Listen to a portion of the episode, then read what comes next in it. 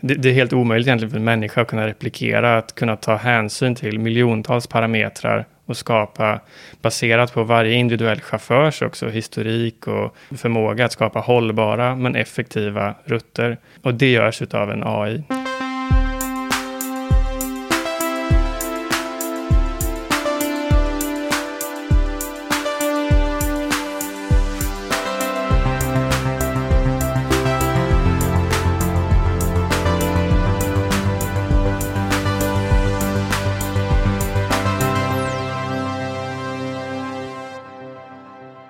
Är vi tillbaka med Heja Framtiden. Jag heter Christian von Essen. Idag spelar vi in hos Redgert Koms, PR-byrån på Sturegatan i Stockholm. Jag sitter här med Simon Strindberg, marknadschef på Budbee. Välkommen till Heja Framtiden. Tusen tack. Lite ironiskt att du blev senare för att du inte hittar parkering. Eh, man jobbar i logistik och techbranschen. Det finns, en, finns fler um, trösklar ja, att, precis. att eliminera. Tyvärr är inte vår tekniska plattform applicerbar på mina den här typen av resor.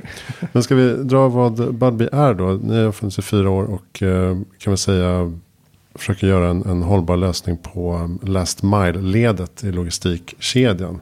Jag jobbar mycket med e-handel. Ja, ja men precis. Och I grund och botten är faktiskt Budbee snarare ett teknikföretag än ett last mile-företag. Men vår tekniska lösning appliceras ju på, på det logistiska eh, maskineriet så att säga.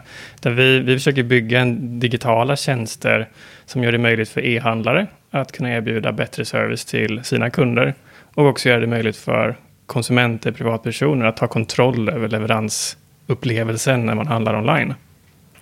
Så i grund och botten är vår ambition att skapa en bättre shoppingupplevelse för näthandlare. Mm. Och ni verkar inom eh, kan man säga ett område som man kallar för logtech. Alltså logistik, teknologi. Kan vi definiera det på något sätt? Vad, vad är det och var befinner sig liksom den branschen idag?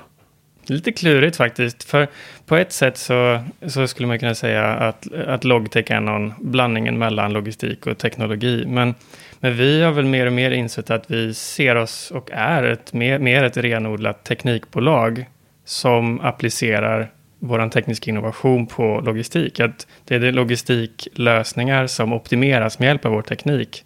Ehm, så ifrån vårt perspektiv, om vi ska definiera oss som ett logtech-företag, så är det ju nog den definitionen vi får ha på det. Att vi utvecklar teknik som appliceras på e-handelslogistikflöden.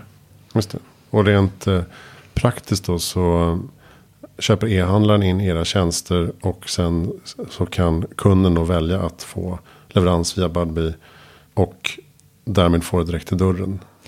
Ja, precis. Vi säljer vår tjänst till e-handlare som då har ett, ett starkare erbjudande till sina kunder. Och sen väljer privatpersoner eller företag i e-handlarens kassa att få sina saker levererade med Budbee. Antingen med vår hemleveranstjänst som vi har haft längst eller vår boxlösning där vi levererar till paketskåp. Då. Just det. Hur stort är det här idag? Då? Budbee är, eh, vi gör miljontals leveranser per, per månad och vi finns i fyra marknader och över 200 anställda på bolaget. En, ett stort gäng med utvecklare och matematiker. Utvecklare och matematiker, okej. Okay. Um, ehm, för där kom, kom jag in på AI-frågan. Ni skrev någonstans att ni har en AI-lösning i grunden. Vad, hur kan du beskriva vad den gör? Hur, hur effektiviserar AI era processer? AI, eh, som jag sa förut om, om Budbee som ett teknikföretag eh, så, så är ju AI och kanske då maskininlärning som, som många mindre tekniskt bevandrade, lik mig själv, skulle missta för AI många gånger. Eh, det används ju för vissa kärnfunktioner och är otroligt viktigt. Det är lite av hjärtat i Budbees värde, är just de här avancerade AI och maskininlärningsbitarna. Och hur, hur de används är ju Ehm, jag kan ta några exempel. Att AI används för ruttoptimering. Ehm, så att vi kan... Ehm, det är helt omöjligt egentligen för en människa att kunna replikera, att kunna ta hänsyn till miljontals parametrar och skapa, baserat på varje individuell chaufförs också, historik och förmåga att skapa hållbara men effektiva rutter. Och det görs av en AI. Sen har vi en maskininlärning som kanske en av funktionerna som är centrala som den används för är att kunna skapa tidsestimeringar. Att kunna faktiskt eh, eh, ner på en minutprecis nivå kunna beräkna hur lång tid det kommer ta att leverera tusentals paket innan så att man kan säga vilken tid kommer det här paketet att levereras på. Och eh, eh, dessutom så används, och det är kanske där många tänker att det blir då, där maskininlärande komponenterna kommer in i att varje dag så sätter algoritmerna de här rutterna och tidsestimaten och sen sker det ju i verkligheten. Och varje natt så jämför eh, tekniken, de här algoritmerna, verkligheten, utfallet mot sina egna estimat för att själv kunna avgöra och se, hitta ställen där man kan bli bättre och, och de lär sig då själva att till nästa dag bli ännu lite duktigare på att optimera och estimera. Så de här tekniska bitarna som har AI och machine learning, de är väl kanske de individuella komponenterna som har eh, högst komplexitet, eller vad man ska säga, som jag förstår minst av hur det funkar. um, men jag skulle ändå nog säga att det är den bredare tekniska innovationen som skapar det stora värdet. Um, att man faktiskt kan koppla in de här avancerade maskininlärningsalgoritmerna och AI in i ett bredare IT-ekosystem, en mjukvaruplattform som, som skapar en bra kundupplevelse, som kopplar samman åkerier, handlare och konsumenter. Eh, och, och, faktiskt skapar möjligheten att genomföra bra leveranser. Där såklart är det en avancerad kärna, men det är så mycket mer för att det ska bli riktigt värdefullt. Det känns ju som att alla logistikföretag borde jobba så. Men de kanske inte har kommit lika långt. Nej, nej det ska jag, jag tror vi har kommit väldigt, väldigt långt till. Jag är övertygad om det egentligen. Och många, många av de stora konkurrenterna, de stora äldre jättar, de, de har en helt annan struktur jämfört med oss i, i hur bolagen ser ut. Med ganska mycket legacy i form av att de har, har stora, in, mycket infrastruktur på plats till exempel. Vi skiljer oss ju väldigt mycket åt att vi är ett teknikbolag och inte ett logistikföretag. Eh, så vi, vi äger ju inte fordon, vi äger inte terminaler, utan vår teknik appliceras på den verksamheten för att göra den effektiv och konsumentvänlig. Men ni har väl en terminal? Vi hyr många hyr, terminaler, okay. men, ja. men så att säga, våran kärn, vårat värde och vår kärnverksamhet är den tekniska innovationen. Sen, ja, vi behöver lokaler eh, och vi behöver eh, transporter.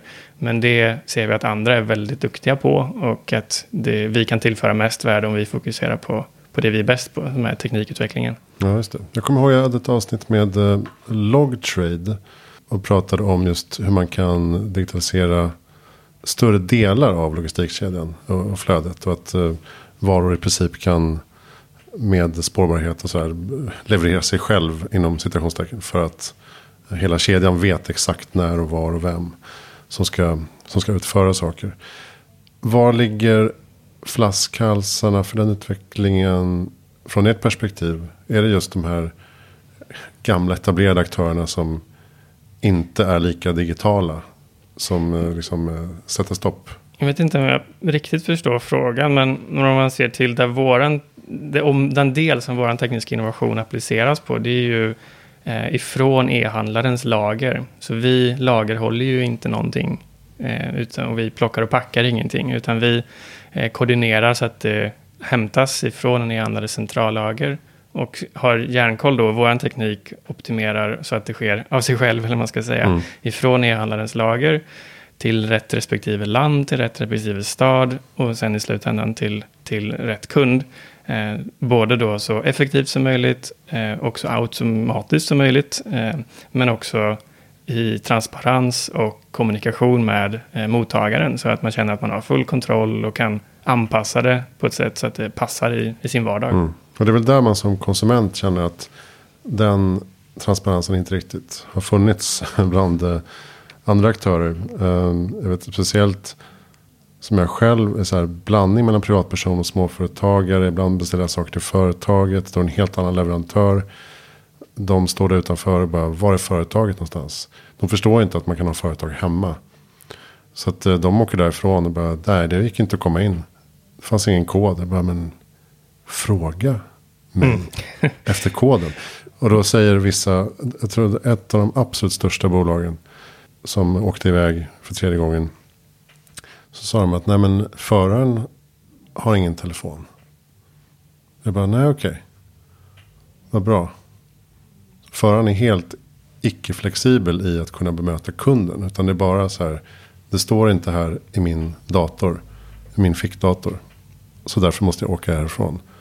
Och så lämnas paketet på någon central någon annanstans. Och så får jag hämta någon annanstans. Alltså det blir otroligt tungrot. Det är ju en väldigt dålig upplevelse för dig som mottagare, det måste man ju säga. Och, och vi försöker ju ta det ett steg till. Att vi, vi, vi tror att det kanske inte skulle, även om det hade varit i, i det här exemplet varit fantastiskt bra om chauffören hade haft en telefon och kunde kontakta dig, så hade kanske inte det varit eh, varken det som hade varit det bästa för dig eller det mest optimala flödet. Utan då vill vi bygga tekniken en nivå högre så att vi kan hålla dig i loopen i förväg, kan fråga dig de sakerna som kan vara relevanta Eh, så att du kan besvara dem i lugn och ro i förväg och veta och få rätt förväntningar på vad kommer hända, när kommer det hända och sen kan vi omvandla dina önskemål som du har lagt i Budbee-appen eller i vår tracking, vår tracking interface och översätta det till vår förarapp som chaufförerna har. Så att chauffören kan få extremt tydliga instruktioner. Mm. Har du en portkod till exempel så ser vi till att den presenteras väldigt tydligt. Är det andra instruktioner så står de där. Så att chauffören ska inte behöva vara i ovisshet kring, är det ett företag, är det en privatperson, kan jag, ska jag ringa, ska jag inte göra, utan det är väldigt tydligt att det här är det som förväntas här, eftersom det är det som Budbee har lovat konsumenten och här är alla verktyg du behöver för att kunna genomföra det.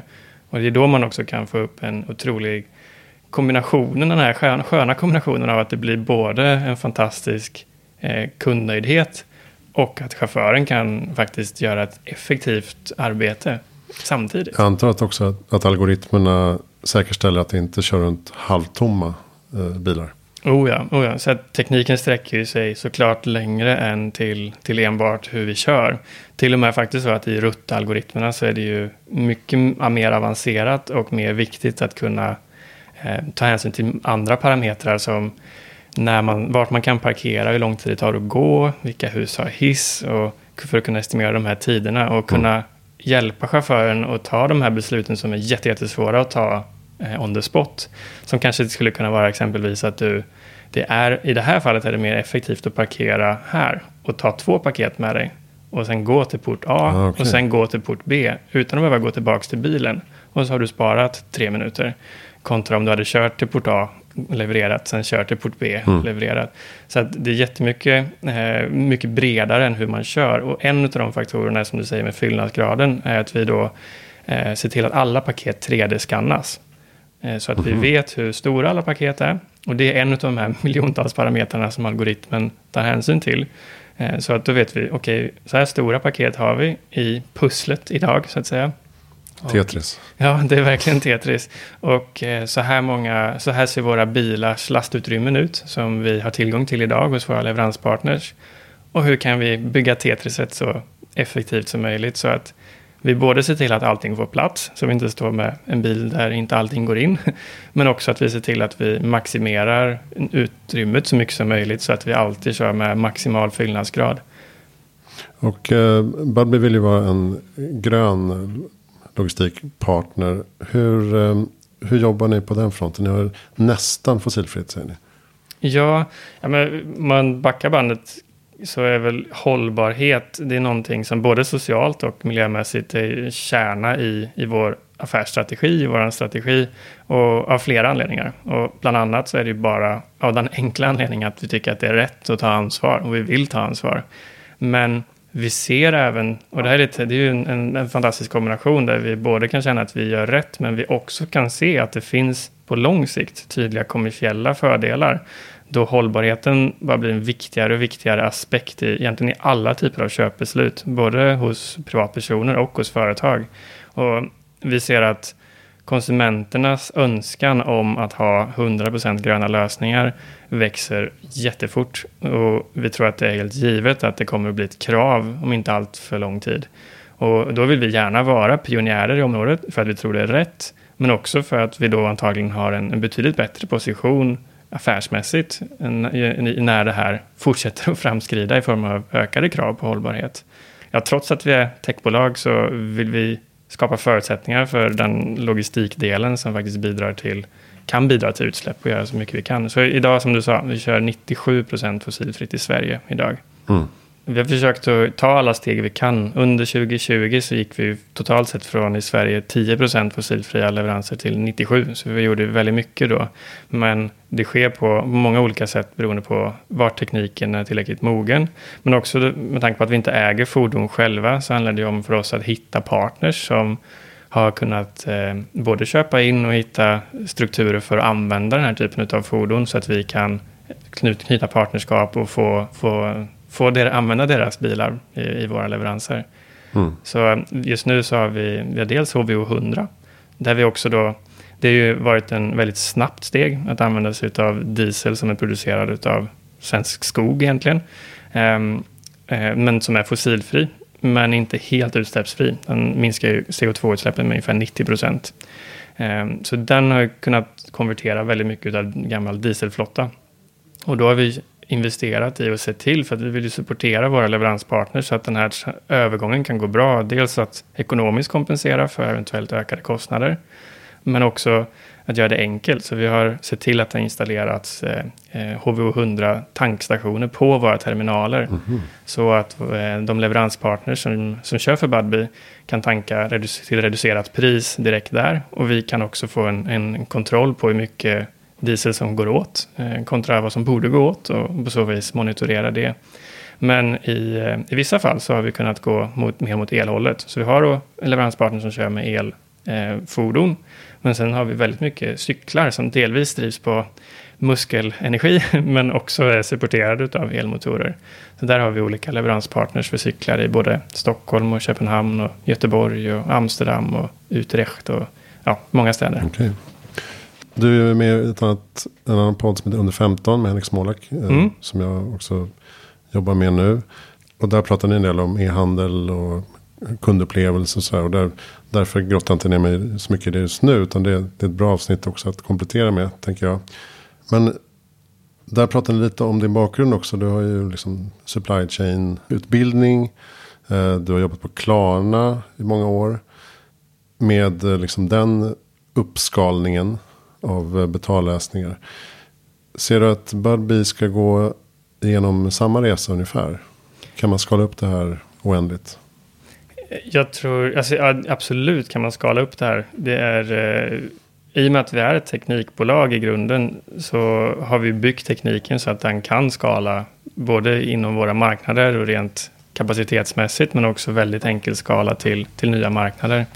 Eh, så absolut. Och faktum är att jag många gånger har har personligen eh, kunnat se att vi är ju lite grann vad Klarna var för att minska friktionen i betalningar. Så är Budbee lösningen för att minska friktionen i leveranser. Och vi ser, jag ser det som sista nyckeln egentligen i, i e-handelsupplevelsen som helhet. Att lösa, man hittar det man vill ha och man eh, kan säkert och smidigt betala för det. Och man kan sjukt smidigt få det till sig själv också. Mm. Eh, så, så skalbarheten för oss ligger ju i tekniken. Just det. Och skulle man kunna applicera det här på en, en bredare front? Uh, man tänker cirkulär ekonomi och nu har vi ju aktörer som uh, TipTap och Sellpy och så här som gör liknande saker fast motsatt. Alltså fraktar bort skräp, uh, levererar, köp från Blocket och så vidare. Um, kan ni ta en ännu bredare roll rent teoretiskt skulle du säga? Det tror jag. Jag är ingen expert på cirkulär ekonomi, men med min kunskap, man ser motsatsen till linjär ekonomi med att det går ett steg, så är väl cirkulär ekonomi att man inte tillför nya resurser. Och Budbee som företag som levererar tekniken för att koordinera transporter, egentligen av oavsett sort. Eh, eh, mm. I, I dagsläget så är det e-handelspaket. Men det gör att jag tror att vi kommer säkerligen kunna erbjuda vår tekniska plattform som ett verktyg för att, eh, att växa cirkulärekonomin. Att, I dagsläget så har vi inte den tjänsten, men jag ser ju det absolut inte omöjligt att vi skulle kunna bistå med till exempel när en vara hos en individ eh, är uttjänt, men den kanske fortfarande har ett stort värde hos en annan privatperson. Att kunna se till att hämta den hos person A och lämna den hos person B på ett jättesmidigt sätt. Eh, så absolut så tror jag det finns möjligheter. Vi, vi är inte riktigt där nu, men absolut tror jag det kan vara en, en framtida möjlighet för oss. Vad tycker du att det finns för eh, flaskhalsar för att göra den här branschen, om man säger, alltså dels e-handel men dels logistik, om man ska gå det nästa steg hållbarhetsmässigt. Vad ser du behövs? Ja, det är nog många olika saker. Men från, från vårt perspektiv så, så ser vi ju mycket hos våra leveranspartners kring vad möjligheterna är och utmaningarna är när det kommer till just att eh, erbjuda oss klimatsmarta, miljövänliga transporter. Och där ser, ser, har vi ju snarare haft ambitionen att okay, vi gör vad vi kan med det vi är bäst på, vilket är den tekniska utvecklingen. Vi ser till att bygga vårt system efter vår bästa vetskap kring vad som eventuellt kan komma i framtiden för att kunna applicera det med lätthet, både snabbhet och också effektivt inkorporera det i de existerande modellerna. Men vi, håller, vi, det är inte vi som utvecklar till exempel teknik, laddinfrastrukturen eller nästa elbil, utan där behöver vi bara hålla örat mot marken verkligen mm. och bevaka vad som kommer. Och där idag så finns det ju vissa brister. Det är till exempel väldigt svårt att hitta åkerier som kan erbjuda tunga transporter, eldrivet till exempel. Och det är inte egentligen för att det inte finns någon efterfrågan eller önskan hos åkerier att, att skaffa det. Utan för att kort och gott inte riktigt tekniken finns där. Jag tror inte att de som jobbar med att elektrifiera tunga transporter sinkar det med medvetenhet heller. Utan jag tror snarare att alla försöker nu att, att elektrifiera och göra transporter eller annan teknik mer hållbar. Mm. Och, och, vi vill bara se till att vi skapar förutsättningarna för att när teknisk innovation blir gångbar att användas så kan vi vara först och pionjärer i att den appliceras in i vårt nätverk. Mm, just det. Och det här med, med leveransboxar då, ni kör det också. Mm. Och där finns det, det dyker upp fler och fler aktörer på den marknaden. Är det liksom eh, ett komplement då till hemleveranser och till det här eh, eller det är en del av valbarheten kan man säga. Ja, ja men precis. Vi, vi har haft hemleveranser i drygt fyra år och har ju, vi har ju alltid begränsat vårt leveransområde för att kunna garantera att vi kan utföra en, en hållbar och eh, en effektiv och bra leveransupplevelse. Sen har vi ju växt det i takt med att vi växer. Så i dagsläget når vi ju 60 procent av Sveriges befolkning. Så då är vi ju ute och snurrar i stora delar av Sveriges befolkning. Och vi helt enkelt lyssnat på våra e-handlare och gjort vår egen analys. Och vi ser att boxleveranser är ett jättebra komplement till hemleveranser. Vi är fortfarande övertygade om att hemleveranser för de allra flesta oftast är att föredra. Men vi ser att boxleveranser ibland kan vara väldigt värdefullt också. Så för oss var det ganska enkelt eftersom vi hade koordinerat redan hela nätverket att även kunna då koordinera boxleveranser. Så vi tog fram de här boxarna i, i våras, somras och började rulla ut i sensommaren. Um, och det har gått jättebra. För det har ju också gjort att vi har kunnat uh, bli en större partner till våra samarbetspartners, e-handlarna.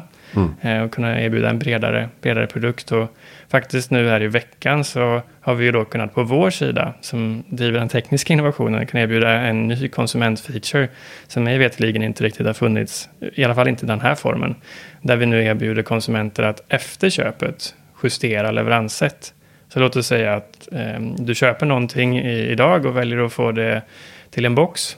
Och sen så eh, blir du sjuk, eller livet händer, mm. någonting händer. Eh, då tidigare så har det varit lite problematiskt att justera det. Men nu eftersom vi har både boxar och hemleveranser och har den tekniska infrastrukturen bakom det så kan vi erbjuda dig då möjligheten att byta. Nej, men nu vill jag, jag vill inte längre ha det till den här boxen. Jag vill antingen kanske byta till den här boxen eller jag vill ha det direkt hem till mig själv. Så löser vi det. Och på så vis så kan vi, kan vi ge en ännu bättre konsumentupplevelse. Även fast varan redan är levererad till boxen? Eller? Ja, precis. Jag vet inte exakt nu vart deadlinen ligger. I, men någonstans i kedjan så tror jag det är ett bry, en brytpunkt. Men i kontentan är i alla fall att du, du kan ändra dig efter att du har gjort valet i kassan i dialog mm. bara med oss. Mm. Att eh, om någonting händer, justera att nej, det där var det jag ville ha då, men nu vill jag hellre ha det här. Ja, då löser vi det. Ja, precis. Jag behöver den här adaptern till jobbet. Eh, på måndag istället för hem. Istället för till den här boxen. Ja, mm. men precis. Hemleverans. Ja, men precis. Ja, det finns nog vissa begränsningar. Primära funktionen tror jag är just nu att vi kan byta mellan box och hem. Eh, ja, okay. Att byta adress vet jag har. Det kommer säkert komma också, men det är lite komplicerat. vilka, vilka marknader siktar ni på härnäst då, de kommande åren? Ja, men vi, vi kommer att satsa på att, att fortsätta växa vårt nätverk. Som sagt, tekniken vi har byggt skalar väldigt fint. Vi behöver givetvis praktiska bitar som att översätta lite saker. Men annars så fungerar eh, våra algoritmer väldigt, väldigt väl har vi ju sett nu efter att ha rullat ut det till tre nya marknader efter Sverige. Så, så vi kommer definitivt att gå till fler länder. Och ser vi på hur vi väljer land så det finns självklart vissa praktiska parametrar. Att vi vill ju se att vår modell fungerar i landet. Men sen så handlar det mycket om att vi pratar med våra e-handlare och ser vart de e-handelspartners vi har idag, om alla de levererar väldigt mycket idag till ett visst land eh, och, och, de är jättenöjda med oss i, i, nuvarande marknader, så är det ju ett väldigt smart land för oss att gå till, för vi, vi kan ju både hjälpa våra partners och på så vis eh, tycker de att vi gör rätt beslut, men också kan det ju bli en, en snabb eh, entré för oss eftersom vi kan börja med att ha ganska mycket partners redan från dag ett egentligen. Mm. Så rent praktiskt så blir det ju att man tittar ganska mycket på länder eh, i närheten av där man finns idag. Man kanske inte väljer att gå till eh, starta upp i Australien eh, som nästa land eftersom att det blir den, den, det finns inte så mycket synergier kopplat till, till eh, den nordeuropeiska marknaden vi har idag. Utan man kanske tittar mer neråt i Europa och ja, åt de sidorna som finns där vi finns idag. Mm. Apropå det här med att då är det svårt att hitta parkering. Men när man pratar om så här framtiden för mobilitet generellt. Så mm. är det ju att men det blir elektrifierat. Det blir um, delat. Och det blir förhoppningsvis uh, mer självkörande så småningom. Tittar ni på de bitarna också? Eller ligger det för tidigt i pipen så att säga? Om man tänker autonoma transporter. Ja, vi har personer internt som, som ser till att vara up to date på vad som finns. Men också såklart behöver vi hålla koll på lagar och regler. Att eh, tekniken är, när det just kommer till autonoma fordon så finns det ju ganska mycket regulatoriska frågor också som behöver komma på plats. Mm. Så om du frågar idag så är det ingenting vi ser går att applicera nu. Men jag tror absolut det finns mycket möjligheter. Det skapar ju såklart andra typer av utmaningar som är helt säkert är lösbara. Men bara för att exemplifiera, det hade ju varit fantastiskt om bilen kunde köra själv fram till konsumenten. Men eh, man kan ju inte öppna bagaget som det ser ut idag och så får man välja mellan mängder av paket. Utan då behöver man ju bygga en säkerhet och en annan teknisk lösning och ha någon form av box i bagaget kanske. Mm. Um, men sen har man också frågan att det är ju ganska många som kanske beställer två säckar kattsand och bor på fem trappor utan hiss. Men då är en stor del av värdet som vi erbjuder att vi faktiskt hjälper till att bära upp det till lägenheten. Så jag ser det som en, en, absolut stor möjlighet för att kunna effektivisera och göra bra leveranser. Men det kommer lite bli en annan typ av leveranser än den hemleveranstjänst som vi har idag. Tills dess att vi kanske har då en, en robot som kan promenera upp med det också. Exakt. Men, men sen är det också ju färre bilar som står överallt 97% av tiden eller vad det är. Eh, desto lättare har ni också att ta er fram i de här miljöerna. Så är det. Och där har vi också sett hur eh, vår implementation av cargo bikes eller då sådana här lite större varianter av cyklar som kan frakta paket. Eh, när vi har knutit samarbeten med den typen av leveransföretag. Eh, då har ju det givetvis skapat vissa utmaningar i, i form av att eh, utrymmena som paketen ligger i kanske skiljer sig lite grann.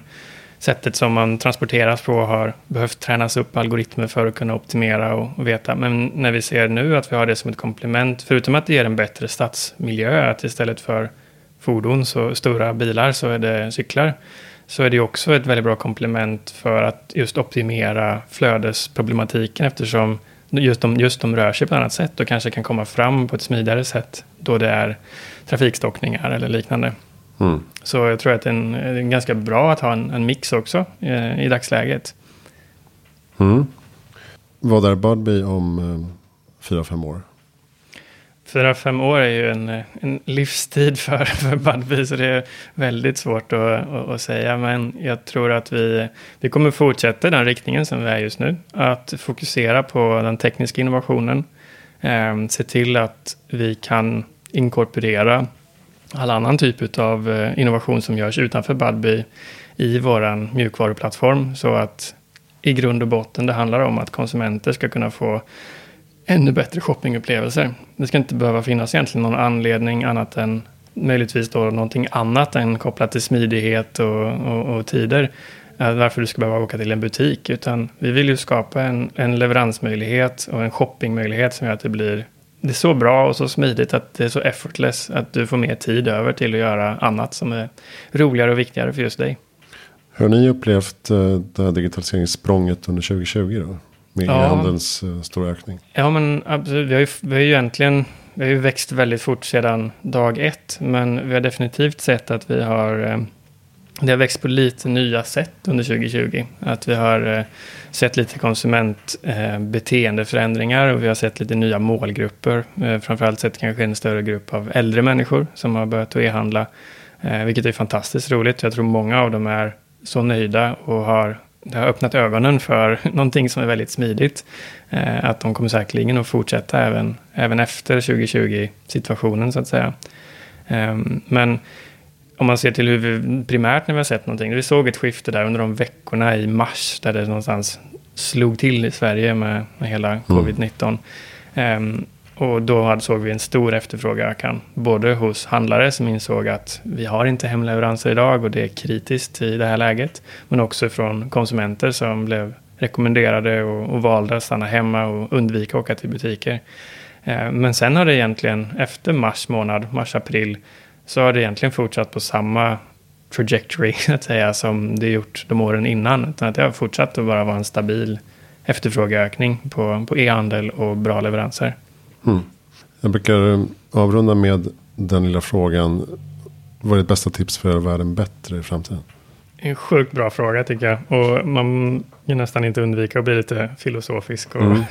religiös. Och, ehm, men jag skulle säga att eh, jag funderade, jag fick faktiskt, eh, jag vet att du ställer den frågan, så jag funderade lite på det innan.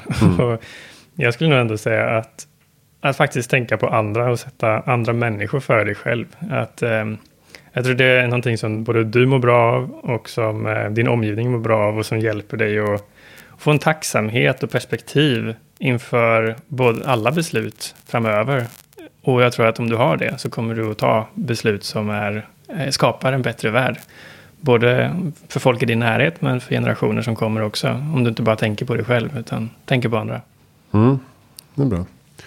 Har du några bra lästips eller poddtips?